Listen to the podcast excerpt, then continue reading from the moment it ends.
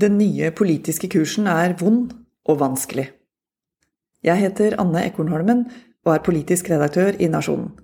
I dag er det 16. september. Finansminister Trygve Slagsvold Vedum har forklart at vi er i urolig økonomisk farvann. Nå avventer vi velgerne hva det egentlig betyr for statsbudsjettet. Det er små endringer i det politiske landskapet fra august til september. Arbeiderpartiet gjør riktignok sin nest dårligste måling noen gang i Nordfaktas nyeste barometer for Nasjonen og Klassekampen. Men 19,2% oppslutning for statsminister Jonas Gahr Støre bekrefter den trenden vi ser fra andre målinger de siste par månedene. Et stabilt lavt nivå, for Arbeiderpartiet under 20% Senterpartiet går tilbake til 6,5% oppslutning, etter en sving oppom 7,2 i august.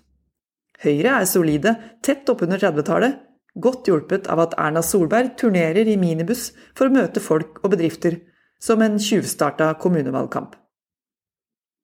Høyre har allikevel ingen andre løsninger enn de Arbeiderpartiet tilbyr for dagens kraft-, energi- og strømkrise. Uansett høster Solberg oppslutning på velgernes følelse av at sittende regjering mangler styring og handlekraft. Gikk det ikke egentlig veldig bra da Erna loset oss gjennom pandemien? Kan det virke som at mange tenker.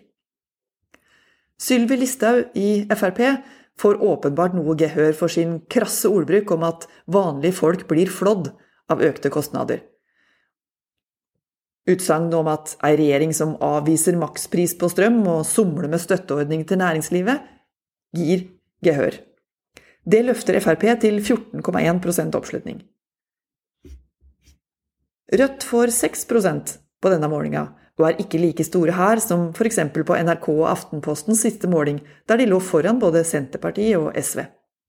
I stedet fanger SV opp en god del av de frustrerte velgerne og får 9,2% SVs finanspolitiske talsperson Kari Elisabeth Kaski gjør en synlig opposisjonsjobb i partileder Audun Lysbakkens foreldrepermisjonfravær. Ingen skal være i tvil om SVs krav når de nå straks skal forhandle med regjeringa om statsbudsjettet. Det gir nok gjenklang hos mange at SV vil presse regjeringa til en budsjettenighet med vekt på sosial utjevning og omfordeling fra de rike til de ressurssvake.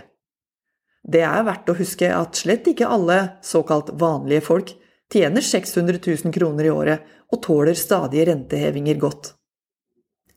Regjeringas nedtur etter stortingsvalget savner sidestykke. De to partiene har sammen mista nesten 15% av oppslutningen de hadde ved valget for et år siden. Først møtte de et omikronvirus på framgang, på et tidspunkt da vi i befolkningen var mentalt slitne og lei av pandemien. Så kom strømpriskrisa med alle dens politiske fasetter og økonomiske konsekventer. Alt før regjeringa egentlig hadde fått satt seg, og velgerne hadde rekke å bli kjent med den nye politiske kursen. Nå er denne kursen mot utvikling av hele landet, alle i arbeid og tjenester nært folk, uansett blitt justert til overskrifta Trygg økonomisk styring, med undertittel Vondt og vanskelig, men viktig. Bakgrunnstallene i den siste målinga vår tyder på bedre oppslutning om Arbeiderpartiet og Senterpartiet i Trøndelag og Nord-Norge enn i resten av landet. I de regionene der prisen per kilowattime strøm er lav, er velgerne altså langt mer overbærende med regjeringa. Velgere på Øst-, Sør- og Vestlandet derimot har strømregninga foran seg når det blir spurt om sin partipreferanse et år etter stortingsvalget.